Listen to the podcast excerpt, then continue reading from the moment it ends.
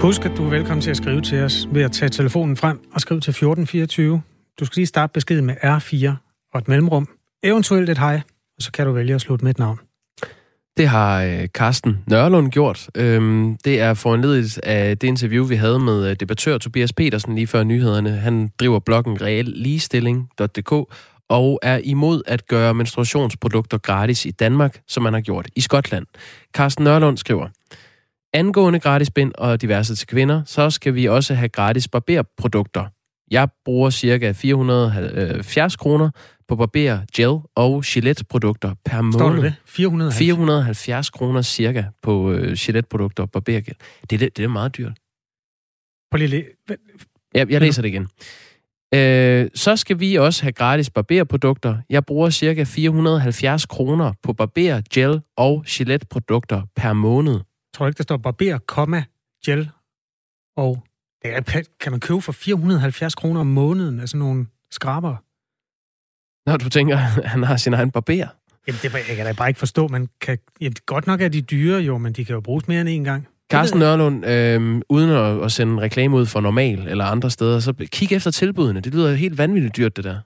Eller du må meget gerne sende en opfølger, Carsten. Og vi er glade for inputs i den her. Jeg kan bare simpelthen ikke forstå, hvordan man kan bruge 470 kroner på skum og, og blade og sådan noget. Det er Kasper, mange penge. Du ligner jo en, der er altid øh, på den der Euroman-agtige måde, de har stået ud af sengen. Øhm, du har lidt stube på kinderne, ikke? tak, tror jeg. Ja. Øh, hvad bruger du om jeg måneden? bruger ikke en øre. Jeg har sådan en øh, ting, der kan korte det ned. En neglesaks? Nej, det er en maskine. Okay. Skægtrimmer, som jeg bruger en gang imellem, når jeg synes, det er langt nok. Det gør jeg også. Så tager jeg en side af, det er som regel fra Weekendavisen, lægger den i min vask, og så skærer jeg det ned, sådan at øh, der ligger en, en ordentlig bunke gammel skæg der, folder avissiden sammen og putter det i skraldespanden. Det koster wow. ikke noget. Det er faktisk et lifehack, jeg tager med videre. Ja, øh, fordi mine øh, stube der, de kommer til at ligge der i, i afløbet. Ja, det er ikke så godt. Nej, det er faktisk ikke så godt. Du får skægkræ og den slags. Nå ja, det skal vi ikke kende for dørene. Det har vi fundet ud af. Jamen, øhm, ja. News you can use i Radio 4 morgen. Klokken er 7 minutter over 7. 4. november blev et helt erhverv nedlagt, da myndighederne eller politikerne eller en blanding af disse, besluttede, at alle mink i Danmark skal aflives, fordi der er en risiko for, at dyrene kunne sprede en ny type af coronavirus, der kunne øh, gøre det sværere at få en vaccine til at virke. Minkavlerne på landets over 1000 minkbrug skulle aflive alle deres mink. Det er omkring 15 millioner dyr. I dag kl. halv to kommer statsministeren på besøg øh, for at se konsekvenserne af den beslutning, hun var ved at tage. Øh, eller man var med til at tage, og det øh, skal hun på Peter Henbos minkfarm, der ligger ved Kolding. Godmorgen, Peter Henbo.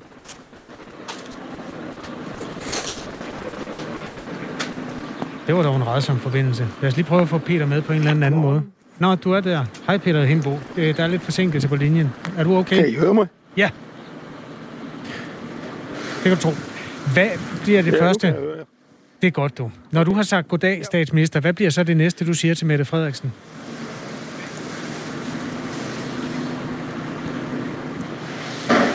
Nej, det, det, det, det kan vi simpelthen ikke øh, byde nogen. Man kan ikke lave et, øh, et interview over den linje. Vi prøver lige at ringe ham op på en almindelig telefon i stedet for Peter Hindbo. Det, det ligger altså fast. Vi ringede jo til tre, sta- tre, ikke tre statsminister, til tre øh, minkavlere tidligere på ugen. Ja, der var to gange nej og en gang ja til at mødes med, øh, med Mette Frederiksen. Men sådan, altså ja, forstået på den måde, at, at han vil gerne lige øh, først lige levere en, øh, en kritik til hende, og hvis hun tog imod den med oprejspande, så ville han gerne invitere på dialogkaffe. Peter Hindbo er altså en af dem, der har sagt ja til at få statsministeren på besøg. Vi har lige ringet til dig på en almindelig telefon. Hej Peter. Hej. Hvad var det, altså når du får Mette Frederiksen inden for portene, hvad vil du så sige til hende som det første? Jamen, øh, jeg vil øh, byde hende velkommen, og så vil jeg øh, byde hende indenfor på en kop kaffe. Det har vi aftalt, øh, hvor vi øh, sidder rundt om bord med Frederiksen og fra statsministeriet, og så min øh, søn og svigerdatter og, og formanden for Pelsdokkerforeningen. Når I så har overstået de der venligheder, som er en god start på en samtale, hvad bliver så den, hvad, hvad er så din dagsorden? Hvad kunne du tænke dig at fortælle her? Ja, start med at fortælle uh, Mette Frederiksen om uh, vores uh, uh, historie, hvordan vi har bygget farmen op her over mange år, og hvor vi er i gang med et generationsskifte i øjeblikket. Og øh, jamen, så vil jeg komme frem til, at øh, vi skal til at tale om, om hele situationen fra ja, men hele efter, hele hen over sommeren og efteråret, og så fra den 4. november fortælle om, hvordan det er. Vi har oplevet den periode med stærke følelser, og ja, håber jeg, vi kan få en snak om det. Mm. Mm, det, altså, der, det har vist sig, at der ikke var lovhjemmel til den der store aflivning, der blev sat i gang. Hvor, hvor langt nåede I med det der? Altså, hvor langt er I med at lukke jeres minkfarm ned? Jamen, samtidig har vi jo fået den guldråd, at uh, vi fik 20, og senere blev det forhøjet til 30 kroner uh, ekstra per mink, vi nåede at uh, aflive. Uh, hvis vi nåede at aflive hele besætningen inden først hed det den 16. og så senere hed det den 19. november. Og uh, det er for vores vedkommende 750.000 kroner, og dem turde vi altså ikke at sige nej til, og det var jo også ligesom stillet i udsigt, at det kan godt være, at der ikke var lovhjemmel, men så vil man bare senere lave en lov, så vi alligevel ikke måtte have, have mink i 21, så, så derfor så valgte vi at, at tro på, at der ikke måtte være mink i 21, og så tog vi imod de 750.000 for, for at aflive. Mængden ganske vist en uge for tidligt, og dermed ringere skindkvalitet og lavere pris for skinnene, men vi mener alligevel, at det var, øh, at ville være klogt, ikke? Og, eller ville være klogt at tage imod den ekstra kompensation. Der er mange politikere, der synes, at øh, minkavl skal lukkes under alle omstændigheder. Det synspunkt har jo eksisteret i forvejen, og der er også europæiske lande, hvor man har lukket ned for minkavl. Har du fulgt den debat, og har du på en eller anden måde kun sådan finde sympati for det synspunkt, at, at tiden måske er løbet lidt fra minkavl? Nej, det, det kan jeg ikke. Øhm, jeg synes, øhm, med, med sådan, sådan som vi holder mink i dag, det synes jeg, det er fuldt forsvarligt. Øhm, øh, men jeg synes også, det er fint, at øh, det diskuteres, og det er det jo blevet i alle år, og, og vi har jo lavet øh, mange tiltag med legetøj og hylder og ekstra halm. Og, øh, altså, det, jeg, synes, jeg synes, mængden har det godt. Det, øh, det må jeg sige. Og øh, jeg synes, det er forkert at lukke erhvervet. Også øh, og, af dyreetiske grunde. Øh, og så kommer det efter det økonomiske, hvor, hvor vi da trods alt over, når man ser over en periode, det kan godt være, at vi har bidraget med mig de sidste to år, mm. men hvis man kigger over cykluser, vi har med cirka 25-25 år, hvor priserne går op og ned, så har vi jo bidraget godt øh, fra, fra land, til landbrugets øh, bidrag til, til den udvikling. Der er ikke super forbindelse til dig. Prøv lige at øhm, se, om du kan øh, for det første holde telefonen rigtig godt og tæt ved munden, og for det andet, øh, hvis du kan komme til et vindue eller et eller andet, Peter Hindbo, så kan vi lige... Når vi nu taler videre om, om, om minkavl her, så noget af det, der rettes af kritik mod erhvervet, det er jo ikke kun at, altså, det er jo ikke dig, der som individ behandler dine dyr dårligt. Det er der jo ikke nogen, der beskylder dig for. Du følger de regler, der er selvfølgelig, men stadig, at der sådan principielt er noget galt med, at man tager et vildt dyr, sætter det bag lås og slå, og lader det leve et kort liv derinde, og skærer det op, tager det pels og smider resten væk, sådan groft sagt. At det er den, øh, hvad skal man sige, virksomhed, som tiden er løbet fra. Kan du anerkende, at øh, hvad skal man sige, det er en, en hård måde at gå til dyrene på? Nej, det kan jeg ikke. Øh, øh men jeg kan godt forstå, at det er svært for folk, der bor inde i byerne og har kæledyr og, og, og, at se og, og, og forstå det. Men jeg synes bare, at vi har igennem årene, der har vi haft så mange mennesker inde og se vores øh, øh, minkfarm. Og vi har bestemt også kritikere. Øh, jeg husker for eksempel en gang, vi havde 80 elever fra IPC Kolding, der kom, og, og, og der var fem af dem, de, de kom øh, i to store busser, og der var fem af dem, de ville absolut ikke ind og se minkene. Så åbnede vi en port og stod udenfor og talte om det, og kunne så se ind på dem. Og så blev de alligevel så interesserede, så de gik med rundt. Bagefter, der kom en af de fem elever og spurgte, om vi tog imod elever. Så det viser jo bare, at det rykker noget, når man kommer ud og ser, hvordan dyrene reelt har det. Og om man så producerer kød, eller man producerer tøj, som vi gør, øh, det kan jeg ikke se, der er en stor forskel på. Mandag morgen efter, at statsminister Mette Frederiksen havde annonceret på sit foretrukne medie Facebook, at hun skulle ud og besøge en eller anden minkfarm, så spurgte vi nogle minkavlere, hvad de ville sige øh, til at få besøg. Den første, vi øh, talte med, var Simon Andersen, minkavler i Odum. Han svarede sådan her. Det vil jeg egentlig ikke. Hende er da godt sur på. Jeg synes, hun skal bruge tid på at få forhandlet en ordentlig erstatning på plads i stedet for. Og så kan vi tage den der bagefter, om hun har fortjent at, få besøg, at komme på besøg. En anden minkavler er Valter Christiansen fra Sæby. Nej, det vil jeg så sige stort nej, fordi hvis hun er kommet, mens jeg har haft mink, så, så har kaffen været klar, og så, så har vi fået den diskussion, som der skulle have været det. Peter Hindbo, det var to af dine kolleger, der sagde kæmpe nej tak til statsministerbesøg. Hvorfor vil du gerne? Jamen, jeg forstår godt deres synspunkt, og, og jeg ved også, at Nordjylland og andre steder, de har været utrolig hårdt ramt, og det forstår jeg godt, at man er rigtig godt og grundigt sur på statsministeren. Men det nytter jo ikke noget. Vi er jo nødt til at bevare dialogen, den gode dialog med hende. Øh, vi er jo ikke færdige med den her situation endnu, og vi skal jo gerne have, se, om vi får nogle penge på bordet også. Men jeg vil da gøre alt, hvad jeg kan for i dag, og også tale øh, alle minkavlers sag. Jeg vil ikke kun tænke på mig selv. Jeg vil tale alle dem, der har været igennem det frygtelige forløb i, i Nordjylland og ja, andre steder i landet også. Med, man kommer i zone, og man aflever ens øh, livsværk. Jeg synes selv, det har været forfærdeligt, øh, at vi skulle aflive vores egen dyr som vi har aflet på i over 30 år. Øh, så jeg forstår ganske udmærket deres frustrerede, øh, frustrerede synspunkt, men, men jeg mener bare, at vi er nødt til at tage imod hende og vise hende, hvordan. Altså, hun kan jo stadigvæk se, hvordan mængden har haft det, selvom jeg ikke kan vise hende nogle øh, levende dyr. Hun kan se pelseriet, hun kan se de færdige skin. Jeg tænker, at det, det, og det, det burde alle politikere, der har arbejdet med den her sag, de burde have været ude og se, hvordan livscyklusen er på en minkfarm inden de tager de her beslutninger. Men jeg vil sige, bedre sent end aldrig. Der er 6 timer og 14 minutter, til hun står ved din øh, dør, Peter Henbo. Så du må ind og lave kaffe. Tak fordi du var med her. Ja. Klokken er 17 minutter over 7. Er minkene blevet pelset, så har de jo ikke tab, er der en, der skriver på sms'en. Og en anden skriver, øh, minkene har det godt, siger han. Har han prøvet at være en mink? retorisk spørgsmål. Det, det kan jeg godt svare nej til på øh, Peter Hindbos vegne. At han ikke har prøvet at være mink? At han ikke har prøvet at være mink. Ikke i det her liv? Nej. Ja, 17 år 7 klokken. Lad os lige vende øh, det billede af Søren Brostrøm, som lige nu øh, cirkulerer på de øh, sociale medier, Kasper. Øhm, direktør for Sundhedsstyrelsen, sidder i en på business class i et DSB-tog med opslået laptop og uden mundbind. Hmm. Det har øh, øh, skabt debat og øh, vagt kritik. Øh, det er en, en detalje, øh, nu citerer jeg en øh, ham, der har taget billedet, som bliver citeret i en artikel på BT. Han hedder øh, Sten Torup Christensen, og han siger til BT, det var et samtaleemne i kupéen, at Søren Brostrøm sad der uden mundbind. Det er derfor, øh, han har taget billedet. Øh, og jeg tror, det er en, ja, det er noget med, at han taler på vegne af vedkommende, som har taget billedet. Det er sådan lidt en kringlede ting. Vedkommende, der har taget billedet, vil ikke stå frem, det er derfor. Men fotografen har fortalt, at konduktøren gik forbi øh, fire gange uden at sige noget, indtil en medpassager kraftigt opfordrede konduktøren til at tage affære.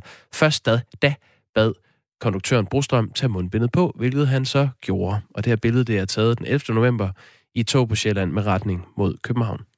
Der er rigtig mange mennesker, der er svært ved at forstå, at de skal have mundbind på, og det er ikke sikkert, at det bliver lettere af, at øh, Søren Brostrøm ikke selv øh, har taget det på. Har han en god forklaring? Der, jeg, jeg ved jo, der findes en arsenal af øh, gyldne sætninger, øh, som man kan bruge. For eksempel, jeg har dårlige lunger har jeg hørt nogen sige. Mm, ja, nej, øh, han har faktisk slet ikke været på banen selv. Øh, de har sat øh, Marie fra Sundhedsstyrelsen ud og kommentere øh, på Facebook, og, hvor hun har skrevet, med hensyn til det link, øh, du har sendt med Søren Brostrøm, så har jeg lige øh, talt med ham, og han husker godt episoden.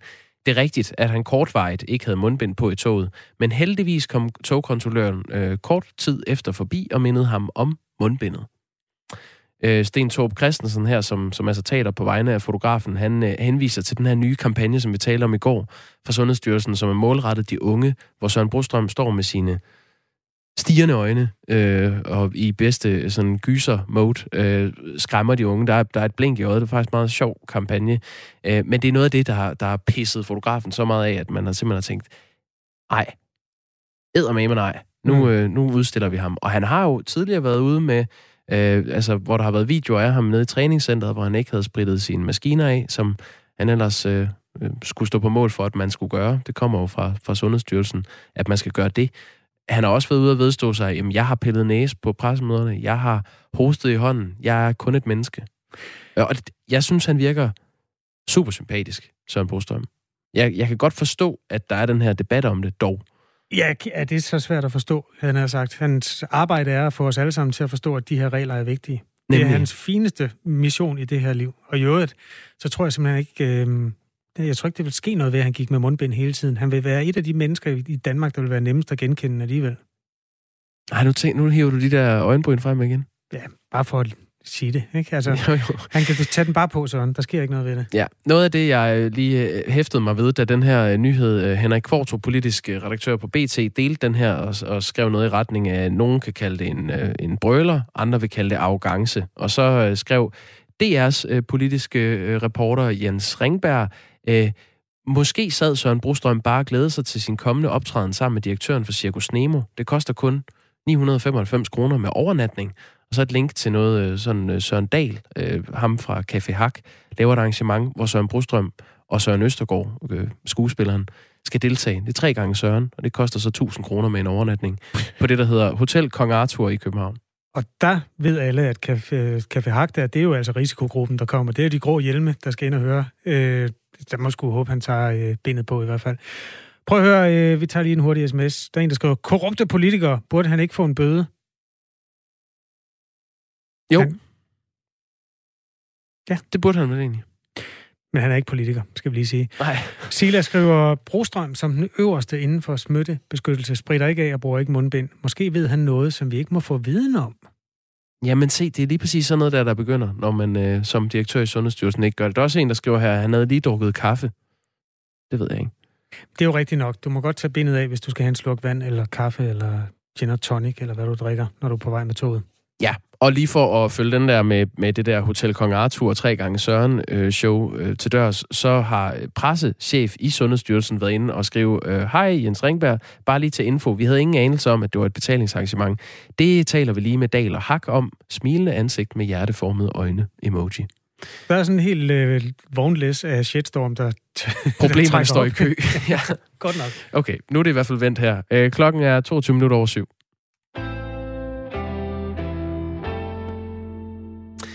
12 danske kommuner har øh, nu stemt ja i byrådssalene til at vi tage imod flygtningebørn fra den nedbrændte Moria øh, flygtningelejr på Lesbos i Grækenland. Der er bare lige den detalje, at regeringen for flere måneder siden har gjort det klart, at det øh, nytter ikke noget, at kommunerne går ud og, og stemmer om det, for Danmark kommer ikke til at tage imod flygtningebørnene. Det har regeringen bestemt. Godmorgen, Carsten Rasmussen. Godmorgen, godmorgen. Socialdemokratiske borgmester i Næstved Kommune. I er ja. i Næstved den seneste kommune til at stemme ja til, at vi tager imod flygtningebørn fra Moria-lejren. Det blev vedtaget i, i forgårs, og det var faktisk dig, øh, Carsten Rasmussen, kan jeg sige til, til lytterne, som personligt tog det her spørgsmål med ind på, på byrådsmødet. Hvorfor øh, bruger I kommunalpolitiske kræfter og tid på en landspolitisk sag, hvor regeringen har sagt, at det kommer ikke til at ske? Jamen, det gør vi jo i mange sager, øh, når vi, øh, altså man kan sige, det gør vi jo tit, altså klimaspørgsmålet, det er jo ikke kun et spørgsmål om næstved, om, om hvor meget CO2 vi udleder, eller hvor meget vi øh, bidrager med vindvarende energi. Nu er vi en temmelig stor kommune, 681 kvadratkilometer, så vi har jo rigtig, rigtig mange spørgsmål, og som jo også har national karakter, når vi sidder i, øh, i, en, i en kommunalbestyrelse eller et byråd. Alene hele vores budget, det, det er jo sådan set EU, der bestemmer, hvor meget det enkelte medlemsland må bruge, og så siger regeringen til kommunerne, så mange penge må I bruge næste år. Så, så det er jo en del af, af dagligdagen i kommunerne, at selvfølgelig er vi jo også en del af den landspolitiske scene, øh, og vi må da også sige tit, når, når landspolitikerne laver et eller andet, nu har der været noget med Mink med Mogens Jensen, så, er jeg, så har jeg fået mange spørgeskemaer fra diverse medier om, jeg synes, den er håndteret korrekt. Så det, det synes jeg da ikke er noget øh, forkert i. Men det er jo sådan holdningsbaseret. Altså, hvilken øh, konkret effekt har det, at I i Næstved har vedtaget, at det vil I gerne? Jamen det vi har jo sådan set vedtaget er jo, at vi stiller os til rådighed, så fremt Folketinget øh, beslutter at tage imod flygtningebørn fra Grækenland. Øh, og det vil sige, at vi har jo sådan set bare tilkendegivet, at vi stiller os til rådighed, hvis et flertal i Folketinget. Det kunne jo også være noget udenom regeringen øh, for den sags skyld. Det tror jeg nu ikke er lige det spørgsmål her. Der er flertal udenom regeringen, men vi har ikke sagt, at øh, vi pålægger regeringen, eller vi øh, synes, at regeringen skal tage spørgsmål op. Vi har sagt, at vi stiller os til rådighed, så fremt Folketinget beslutter at tage imod nogle øh, flygtningebørn fra Grækenland. og det er jo sådan set en tilkendegivelse tilkendegivelse, at hvis der en dag er et flertal i Folketinget, som siger, at nu skal vi hjælpe Grækenland, øh, for det var også en del af debatten i byrådet. En ting er, at det er børn, det er jo ganske ulykkeligt, at børn bliver øh, øh, gisler i en, i en konflikt, øh, som voksne sætter i gang. Den anden ting er jo, at vi er en del af EU, og jeg er da ret sikker på, at hvis det var os, der fik mange flygtninge fra, fra, fra andre lande op i vores del, hvis der var mange fra Rusland, der begyndte at invadere Norden, fordi der var ulykker og krig i Rusland, så vil vi jo nok også bede resten af Europa om at hjælpe os. Og nu er Grækenland og Italien og Spanien jo dem, der har den ydre EU-grænse til, til Middelhavet. Og derfor er det også et signal om, at vi gerne vil stå sammen i EU. Jeg tror også, det var derfor blandt andet de konservative stemte for i næste byråd. Carsten Rasmussen, øh, skarpsindige lyttere vil jo øh, øh, have noteret sig, at jeg sagde, at du var socialdemokratisk borgmester i Næstved. Og det er jo ja. så dit eget parti, som sidder ved regeringsmagten. Er du øh, personligt uenig i den beslutning, som regeringen har taget i den her sag? Ja, jeg synes jo, fordi vi er jo en del af EU, jeg synes bestemt, vi skal hjælpe, og det her er jo børn. Øh, vi har jo har jo i kommunerne hjulpet alle regeringer dengang, da de vandrede op ad motorvejen. Der var det jo kommunerne, der skulle sørge for, at når først de var kan man sige, godkendt til at kunne komme ind i Danmark, øh, de var her som flygtninge, og der skulle have ophold i Danmark, og deres øh, asylsag skulle behandles, der var det også ude i kommunerne, der tog imod rigtig, rigtig mange flygtninge. Øh, og jeg mener bestemt også, at vi skal hjælpe, og især her, hvor det er, er børn, som, som nok vi alle sammen synes jo, de er jo uskyldige i sådan en konflikt. Og selvfølgelig kan vi ikke redde hele verden, hverken i Næstved eller i Danmark, men jeg synes godt, vi kan bidrage og sende det signal, at selvfølgelig, og det vil jeg også gerne sige til min egen regering, og det har jeg også sagt til, til ved diverse møder, at jeg synes jo bestemt, at vi skal hjælpe børn, øh, der kommer i klemme i, i verden, altså flygtningebørn. Synes du, det er øh, noget det svineri, at man ikke vil det? Jeg ved ikke, om det er stedet svineri. Jeg synes måske, det er lidt uh, usocialt, at uh, vi ikke tager et fælles ansvar. Vi vil rigtig gerne have EU. Nu har vi jo diskuteret meget med Brexit, med England, der er trådt ud, og der har jo været andre ryster rundt omkring om, om lande, der vil træde EU. Og hvis ikke man står sammen her, enten ved at vi hjælper med at modtage nogle af børnene, eller for mm. den sags skyld, at man på Christiansborg og regeringen siger, at vi vil gerne gøre noget endnu mere ved at hjælpe øh, Grækenland med de udgifter og de øh, store udfordringer, de står med alle de flygtninge, de har i øjeblikket, enten økonomisk eller ved, ved en anden form for, for hjælp, altså ved forsvaret, øh, beredskabsstyrelsen eller på anden måde, simpelthen hjælpe endnu mere. For ellers en dag, så, så smuldrer EU, hvis man føler, man står lidt alene med, med problemerne. Regeringens grund til, at man ikke vil tage imod flygtninge øh, fra Moria-lejren, er, at man ikke vil åbne en dør op til Europa, så andre flygtninge tror, at man øh, bare kan tage over Middelhavet og blive sendt til Danmark. Anerkender du, øh, Carsten Rasmussen, at øh, du i Næstved er med til at undergrave øh, dansk udenrigspolitik og ligesom får regeringen til at se dumme ud, når dit byråd trækker i en anden retning? Nej, bestemt ikke. Det, det synes jeg ikke. Jeg synes ikke, regeringen ser hverken dum ud, eller vi andre, fordi som sagt, det vi har gjort, det er, vi jo har sendt det her signal til udlænding og integrationsminister. Ja, I går lodret imod noget, som uh, udlænding og integrationsminister Mathias Tesfaye har sagt, det kommer ikke til at ske. Og så tager I alligevel, ja, men... bruger alligevel tid på det ude i jeres byråd. Nå, men det var en, en god debat, og vi snakker om mange ting i et byråd. Nogle gange er det også ret, at vi burde løfte lidt op i, i, i et andet øh, perspektiv end kun, og hvad, hvad, skal et vej, hvad skal en ny vej hedde, og, og, og, og mange andre spørgsmål, som vi jo har i, i et byråd. Og jeg synes bestemt, at, at, at det her er jo signal om, at så frem regeringen, eller der står faktisk, at så frem Folketinget vil tage imod på flygtningebørn, så stiller vi os til rådighed. Og det kunne vi jo også gøre i miljøspørgsmål. Vi kunne også sige, at så frem Folketinget vil have en mere ambition ambitiøs miljøpolitik, så stiller Næstved sig til rådighed, og på det her ved underforstået, at vi vil gerne finde plads til nogle flere kæmpe vindmøller i Næstved, fordi vi er en meget stor kommune. Vi fylder 10 procent af øen Sjælland. Så, så, så og der kan man også sige, at det, at det er en kritik af, at regeringen eller Folketinget ikke er ambition nok i, ambitiøs nok i klimapolitikken. Men det der med at stille sig til rådighed, det, det har vi øh, helt fint med et stort flertal i byrådet. Carsten Rasmussen, øh, et svar på 10 sekunder. Vi nærmer os nyhederne. Ja. Hvad vil du have, reelt have ud af, at I nu har taget stilling til det her spørgsmål, som regeringen har sagt, det kommer ikke til at ske? Jamen, jeg vil jo gerne have, at øh, man selvfølgelig på Folketinget siger, at kommunerne er altså også klar til at løfte en national opgave, faktisk taget hjælp, klar til at hjælpe øh, EU med en stor udfordring. Det tror jeg godt, de vidste. Der var 11 kommuner i forvejen. Men nu er I altså 12. Øh, ja. Carsten Rasmussen. Ja. Carsten Rasmussen, borgmester fra Socialdemokratiet i Næstved Kommune. Tak fordi du var med. Ja, selv tak og god morgen. God morgen. God morgen. Hverken øh, minister Mathias Tesfaye eller ordførende fra Socialdemokratiet har haft mulighed for at stille op til et interview her til morgen. Jeg kan jo nævne, at de andre kommuner, der har taget stilling til, at man gerne vil have flygtningebørn, det er Syddjurs, Randers, Sønderborg, København, Fredensborg, Hillerød, Holbæk, Odder, Ringsted, Rødovre og Rudersdal. har sagt ja til at tage imod flygtninge. Mathias Tesfaye siger nej. Du lytter til Radio 4 morgen. Der er kommet et par sms'er, der handler om øh, direktøren for Sundhedsstyrelsen, der har siddet i et tog uden mundbind. Dem kan vi lige tage, når der har været nyheder med Signe Ribergaard Rasmussen. Klokken er halv otte.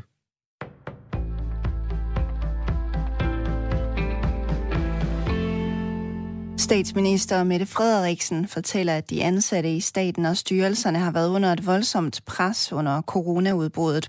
Og det kan have været en af årsagerne til, at der blev givet en ordre om at aflive alle mink, selvom der ikke var lovhjemmel. Det siger hun i et direkte interview med Avisen Danmark. Her havde læsere på forhånd haft mulighed for at indsende spørgsmål. Den 4. november sagde Mette Frederiksen, at alle mink skulle slås ned. Weekenden efter kom det frem, at der ikke var lovhjemmel til at udføre den ordre. En redegørelse fra regeringen har efterfølgende vist, at embedsværket hurtigt blev opmærksom på problemet, men uden at ministre blev informeret. Jeg ved ikke, om man kan sige, hvorfor lige præcis denne fejl opstår, men alle i staten har haft utrolig travlt og har løftet store opgaver. En departementschef fortalte mig, at han fik 65 opkald i lørdags, altså i weekenden. Det er ikke uforståeligt, at fejl kan opstå, når folk har så travlt og har haft det siden foråret, siger Mette Frederiksen. USA's præsident Donald Trump benåder sin tidligere nationale sikkerhedsrådgiver Michael Flynn. Det skriver Trump på Twitter. Det er min store ære at meddele, at general Michael T. Flynn er blevet benådet, skriver præsidenten. Flynn erklærede sig i 2017 skyldig i at lyve over for det amerikanske forbundspoliti FBI i forbindelse med en efterforskning om russisk indblanding i det amerikanske præsidentvalg i 2016. Specifikt erklærede Flynn sig skyldig i at lyve om flere interaktioner, han havde med Ruslands ambassadør i USA få uger inden Trump overtog embedet som præsident. Coronapandemien må ikke stå i vejen for, at folk over hele verden fortsat dyrker motion, sådan lyder advarslen fra Verdenssundhedsorganisationen WHO. Det er om noget endnu vigtigere under en pandemi for at bevare det fysiske og det mentale helbred, lyder det. Opfordringen kommer i forbindelse med, at WHO har opdateret sin vejledning for motion. Det er første gang i mere end et årti, at organisationen opdaterer den vejledning. Her anbefales det, at alle voksne dyrker motion med pulsen oppe i minimum 150 minutter. Det svarer til 2,5 time hver uge. Samtidig så anbefales det, at børn og unge i gennemsnit bevæger sig mere end en time om dagen og begrænser tiden foran elektroniske skærme. Alle mennesker i alle aldre skal kompensere for den stigende stillesiddende adfærd med fysisk aktivitet for at afværge sygdomme og leve længere, lyder det fra WHO, der har lanceret en kampagne under sloganet Hver bevægelse tæller. Donald Trumps administration har givet den populære videoapp TikToks ejer ByteDance en uge mere til at sælge eller afgive sine amerikanske aktiver. Det oplyser en talsmand for det amerikanske finansministerium. Deadline, der har været udskudt før, hedder nu den 4. december. Trumps administration har udtrykt stor bekymring for, at videoappen kan sætte den nationale sikkerhed i fare. TikTok er blandt andet blevet kritiseret kraftigt for at stjæle og bruge data fra de brugere, der downloader appen. TikTok benægter beskyldningerne om, at selskabet bliver kontrolleret af eller deler data med den kinesiske regering. I dag får vi først skyet vejr og regn, men så klarer det op fra nordvest med mest tørt vejr og med nogen eller en del sol. Let til frisk vind og temperaturer mellem 8 og 10 grader. Mit navn er Signe Ribergaard Rasmussen. Det var nyhederne fra mig i den her omgang, og nu er det tid til mere Radio 4 morgen.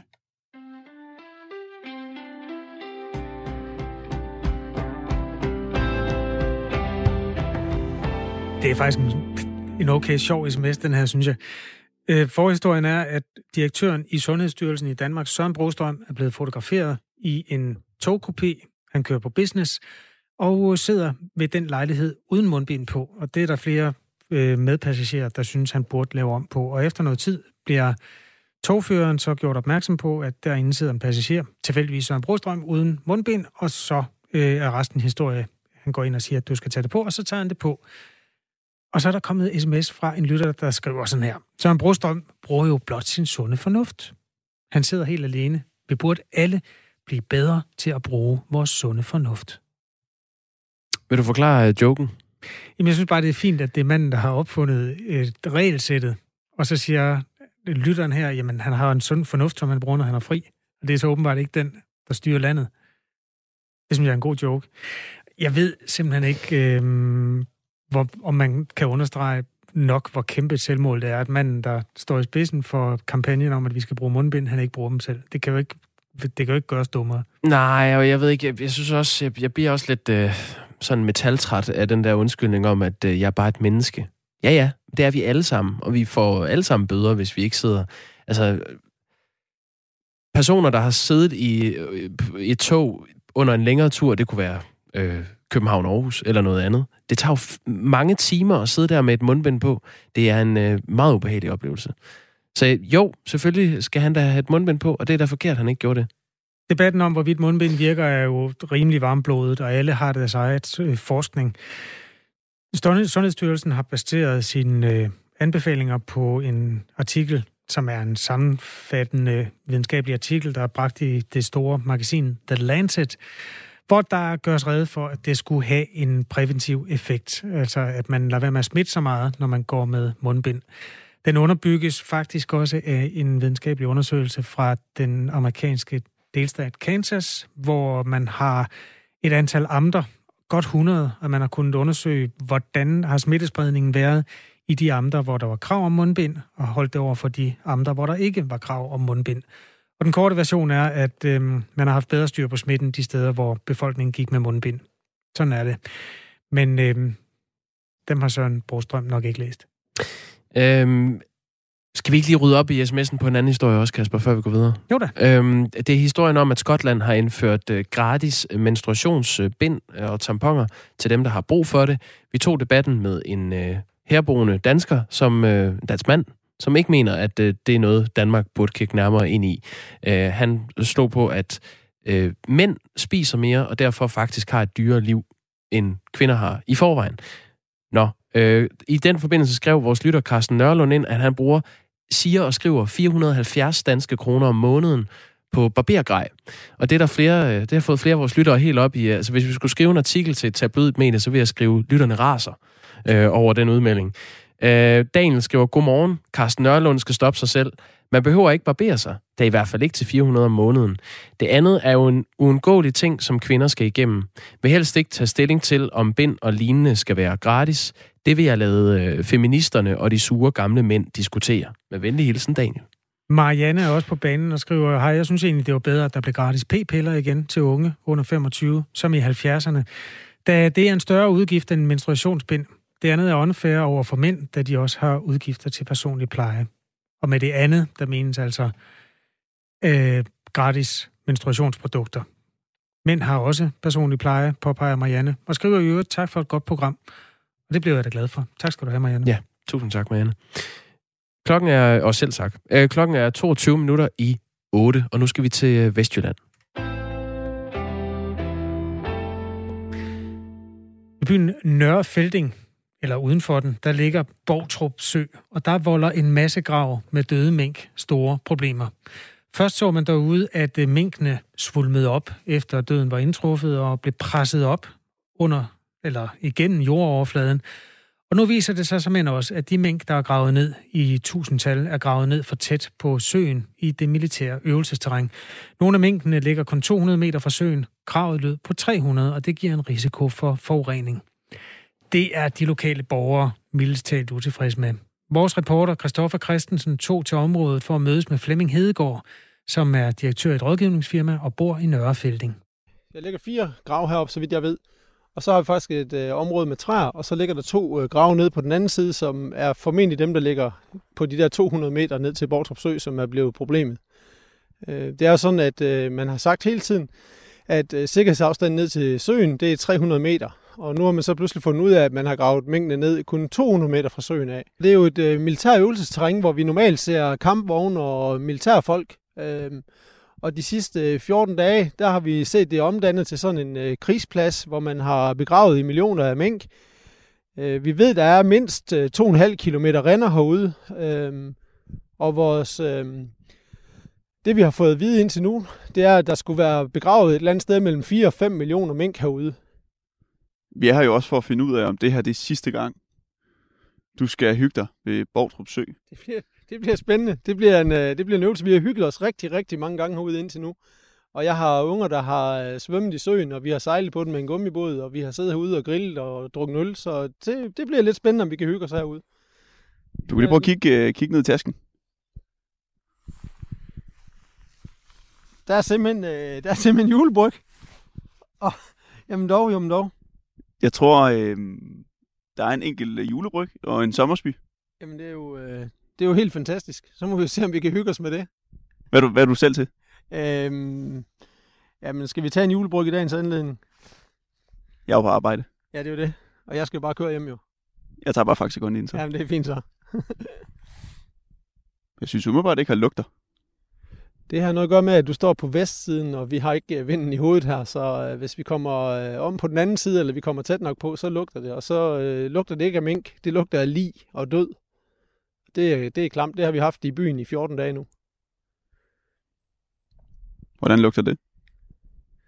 Det er meget svært at forklare, men det er sådan en, en, en øh, sød, varm lugt. Øh, jeg har snakket med nogle af de militærfolk, der har stået vagt herude, og de siger, at hvis vi havde øh, prøvet at være med i Kosovo i krig, så ville vi vide, hvordan det lugtede af død.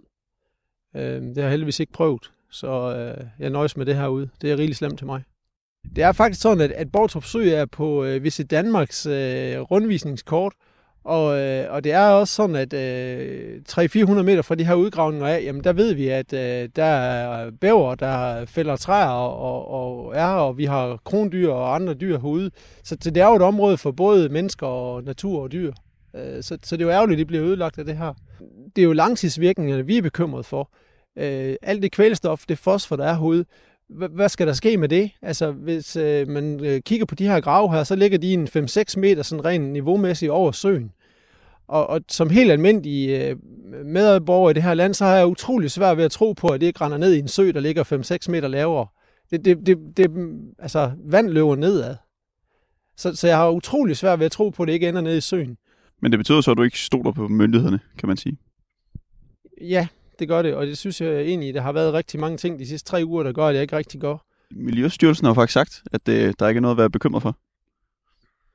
Ja, men så må de prøve at se, om de kan forklare det lidt mere pædagogisk, fordi jeg har opgivet at tro på det, som, som de siger. Nu er politiet også kommet. Jamen, det er fordi, de har fundet ud af, at vi tager bagvejen ind. Det er de ikke så vilde med. Det er ikke ulovligt, det vi gør. Nej, det tror jeg ikke. Jeg kan i hvert fald ikke se noget, der siger, det er. Men, men de vil meget, meget gerne holde offentligheden væk herudfra. Mens vi står her, så står der en kæmpe hvid sky durk op i luften. Hvad er det, vi står og kigger på? Jamen, øh, traktoren, vi så før, den øh, lægger kalk ud oven på de mængder, de har flyttet over i den der rinde i dag. Og det gør de jo for at undgå de her bakterier. Øhm, og der bliver lagt rigtig, rigtig meget kalk ud herude. Så, øhm, så det er sådan set den proces, vi står og kigger på. Og du, du plejer jo at komme herud også og hygge dig. Det var også derfor, jeg tog lidt våde varer med til os. Er det slut med at hygge sig ved Borgtrup Sø? Jeg synes, det er svært at øh, fejre noget som helst herude. Øh, det skal da i hvert fald være gravøl, hvis vi skal drikke noget som helst, men, øh, men vi kan da godt lige åbne og sige, sige skål, hvis det, hvis det er det, vi skal. Så kan vi lige finde det frem.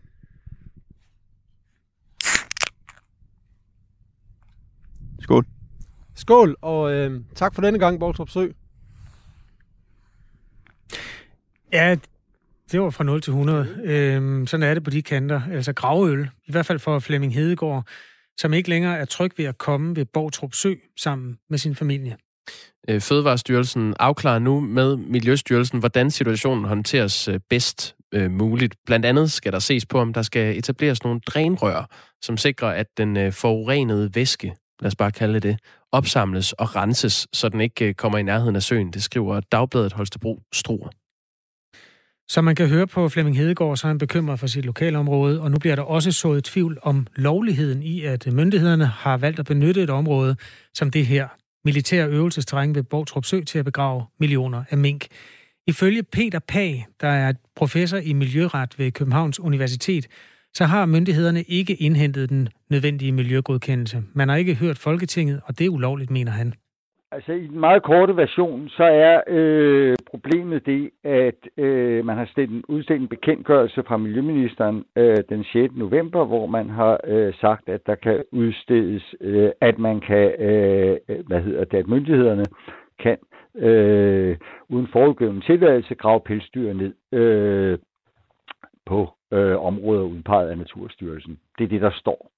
Det er sådan, altså en fuldstændig generel bemyndigelse. Så umiddelbart kan man jo tro, at så er tingene på plads. Det er bare ikke tilfældet. Problemet er, at når man nedgraver mink i den størrelse, så er der jo tale om en øh, bortskaffelse af øh, øh, dyreaffald. Det kan man ikke gøre, uden at der er en miljøgodkendelse. Det er der simpelthen krav om. Folketinget kunne jo godt beslutte, at Miljøbeskyttelsesloven ikke gælder for nedgravning af mink, men det har Folketinget ikke gjort. Og det vil sige, at Miljøbeskyttelseslovens bestemmelser om miljøgodkendelse, de gælder også for nedgravning af mink. Der er ikke noget særligt øh, hekseri i det. Det betyder, at myndighederne selvfølgelig, øh, at de kompetente miljømyndigheder, øh, de skal sørge for at tage stilling til, at det foregår på en måde, så der ikke opstår senere problemer, som jeg forstår, der til synligheden er ved at ske i Holstebro. Og jeg kan ikke se øh, det store problem, fordi øh, det er rigtigt, at man kan fravige reglerne omkring øh, miljøvurdering og offentlig høring. Øh, det er der hjemmel til i VVM, altså i EU's regler om, om miljøvurdering. Men der er ikke hjemmel til at fravige det her. Altså, vi skal jo sørge for, at det foregår ordentligt og forsvarligt. Det sagde Peter Pag, som er professor i miljøret ved Københavns Universitet som altså ikke mener, at myndighederne har indhentet den nødvendige miljøgodkendelse, og øh, ja, det er ulovligt. Vi har kontaktet Miljøminister Lea Wermelin for at få en kommentar. Her har man henvist til Miljøstyrelsen, som vi ikke har hørt fra. Flere politikere har allerede givet udtryk for øh, deres bekymring. I fredags stillede øh, venstremanden Thomas Danielsen spørgsmål i Folketinget til Miljøministeren om, hvorvidt det her er lovligt. I den veterinære beredskabsplan for udbrud af alvorlige husdyrs Øh, sygdomme, der står der, at nedgravning af dyr kun måske under særlige forhold og kræver en aftale med kommunerne. Den aftale, den blev jo altså ikke lavet. Det har vi jo fået øh, vidshed for ved at tale med flere af borgmestrene i området. Blandt andet venstremanden Ulrik Vilbæk, som er øh, ansvarlig for de massegrave, der ligger ved Karup. Øhm, Jyske Vestkysten Dagbladet bad mandag Lea Wermelin om en kommentar til, om man har brudt loven. Også her blev man henvist til Miljøstyrelsen. Øhm, ja, undskyld, hvis det bliver lidt langt, men det er altså sådan, det nogle gange er at jagte forklaringer på ting, som ikke er, som de skal være. Jeg føler, at jeg sidder og læser en kafkask øh, roman, men du fortsætter bare. ja, der, der er lidt endnu. Miljøstyrelsen skriver så, der får Jyske Vestkysten et skriftligt svar, som lyder, der er taget hensyn til natur, grundvand og overfladevand ved minkgravene, og styrelsen vil sikre, at minkgravene ikke påvirker søer og vandløb og grundvand. Det drejer sig om fysiske hensyn ved gravene og overvågning af nærliggende søer og vandløb og en forureningsundersøgelse med særligt fokus på grundvand. Vi følger selvfølgelig op. Måske står man her med en sag, hvor der mangler lovhjemmel. Det ved jeg ikke, om man har hørt om før. Jo. Nå. Klokken er 7.48. Der kommer et par sms'er, Kasper. Øh, kør forbi firmaet Daka ved Hedensted og du ved, hvordan død lugter, er der en, der skriver. Og øh, lige i øh, halen på ham er der en, der skriver, eller hende, lugt af lige og død. Hmm, prøv at bo i nærheden af Dhaka. Jeg tror, mennesker med østjysk oprindelse ved nogenlunde, hvad der er tale om der. Folk, der bor på Sjælland eller øerne eller langt fra øh, Hedensted, skal tage turen en dag op af E45, en dag, hvor der er gang i ovnene. Så vil de vide, hvad det er, der bliver beskrevet her. Øh, 12 minutter i 8 er klokken, og øh, jeg vil bringe øh, breaking news om øh, tv-serien Matador. Ja, det var på tide, kan man sige. Ja, sig frem. Forfatterduen Christian Mongård og Jakob Vendt har skrevet en ny bog. Den hedder Matador. Og der har de samlet et hav af anekdoter om den her øh, legendariske tv-serie. Og øh, blandt andet har de gravet et par ufortalte historier frem fra øh, Nordisk Films arkiver. Blandt andet øh, Mads Gjern.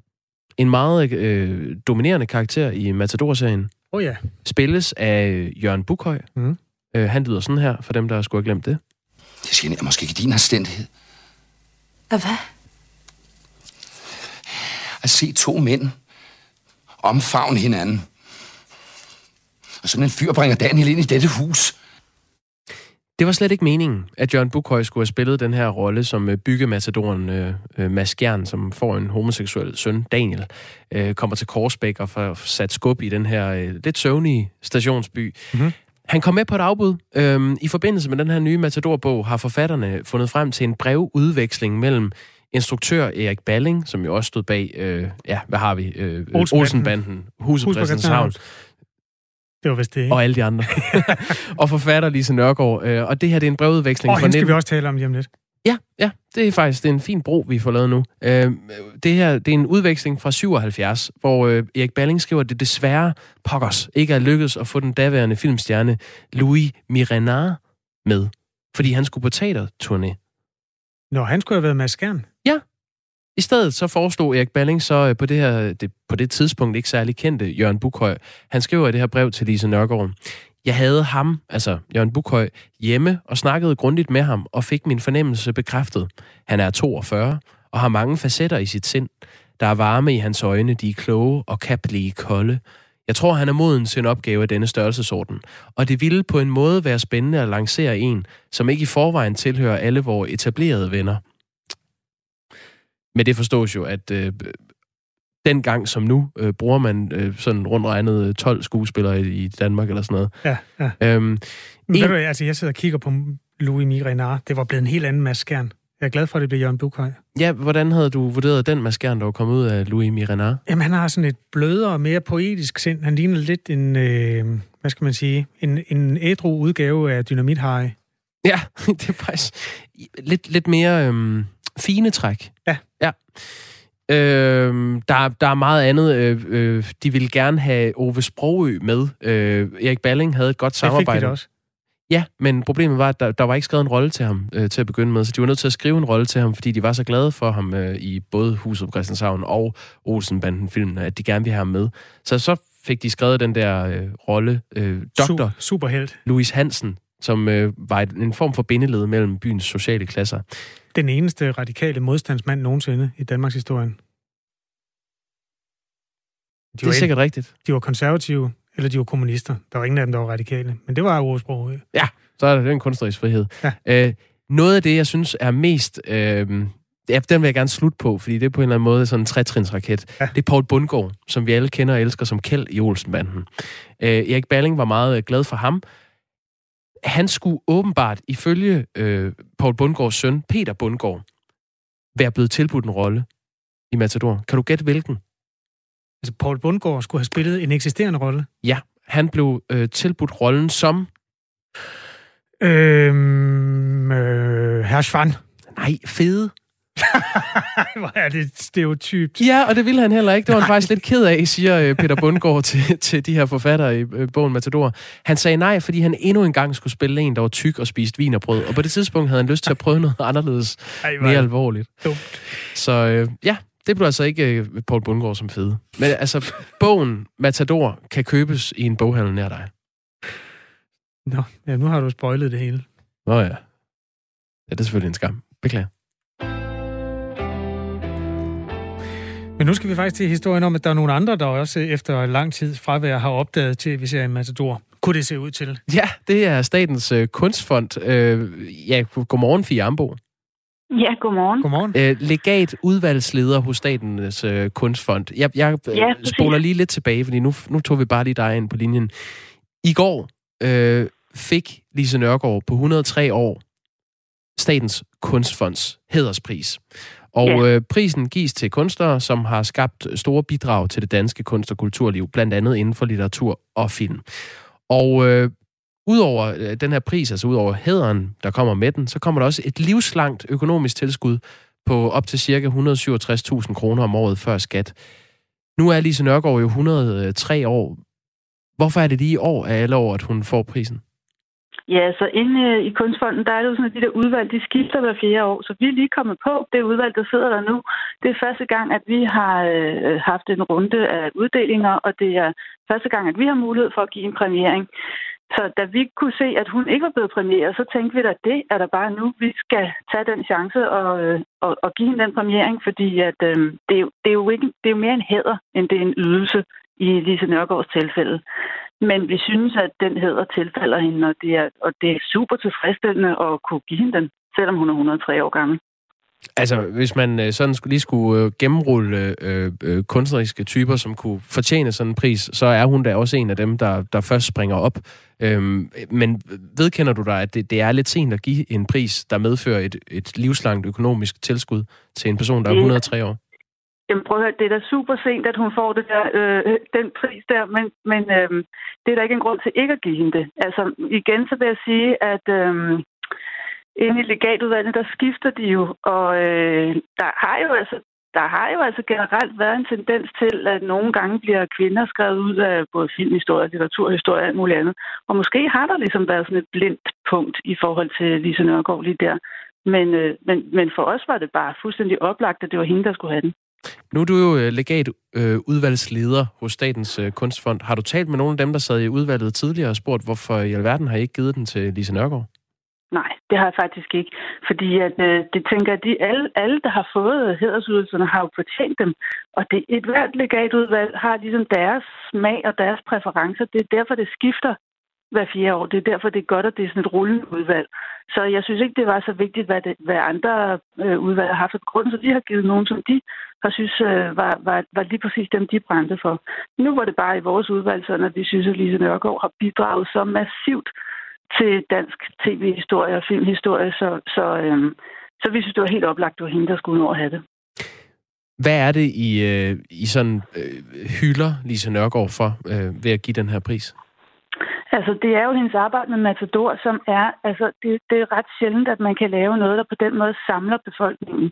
Matador er jo sådan ikonisk for danskhed på en eller anden måde.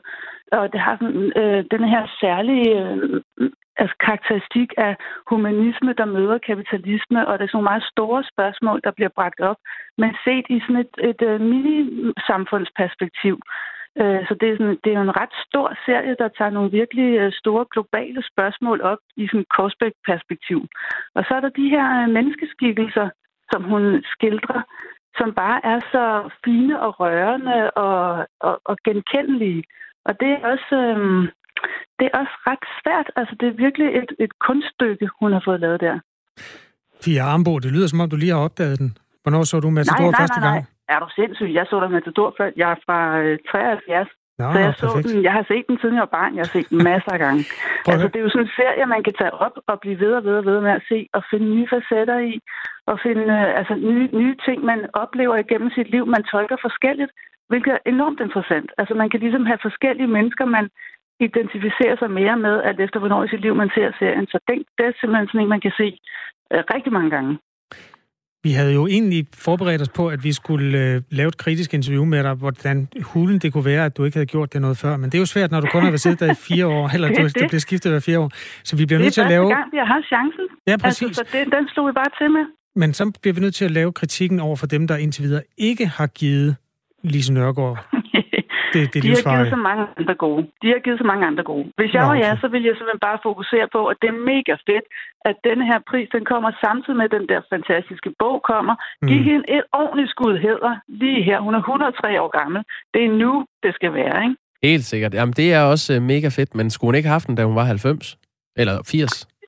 Ja, altså du ved, det, jeg synes ikke rigtigt, det giver mening at se tilbage til, hvad, hvad man kunne, skulle, burde have gjort. Det, det, det, nu gør vi det her, og så fyrer vi den max af på det, og så har hun jo inspireret en masse andre kvindelige filmskabere, og, og de bliver jo også lige ekstra opmærksomme på, og måske skal vi lige, øh, vi, vi, vi giver den lige en på skallen, ikke? Tak fordi du var med, Fia Armbo, Selv tak, tak fordi jeg måtte. legat udvalgsleder hos Statens Kunstfond. Og det hører med til historien, at Lise Nørgaard synes, det er noget fis, at hun skal have den for... Altså i det hele taget skal være så kendt for Matador, fordi hun har lavet en masse fremragende journalistik.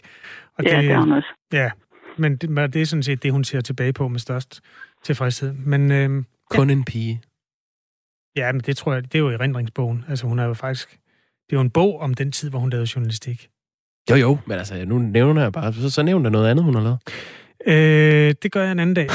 Vi skal lige nå sms'erne. Ja. Øhm, Morten Marinus, den evigt øh, nærværende tidligere øh, medieoverfører hos Dansk Folkeparti, har øh, skrevet en sms, fordi han er også glad for Matador. Og han skriver, Fritz Helmut fik faktisk tilbudt rollen som borgmester i Matador. En rolle, som gik til Preben Harris. Men Fritz ville ikke deltage i tv-serier. Hm. Det er endnu en anekdote til, øh, til samlingen, hvor du altså har fortalt, at øh, Paul Bundgaard skulle have haft rollen som fede. Ja, og familien Varnes hed faktisk oprindeligt familien Vadsted. Vadsted? Ja. Ikke sjovt? Jo, det, var, det, er det, der, det er derfor, man skal altid skrive tingene igennem en ekstra gang. Du lytter til Radio 4. Nu er der nyheder.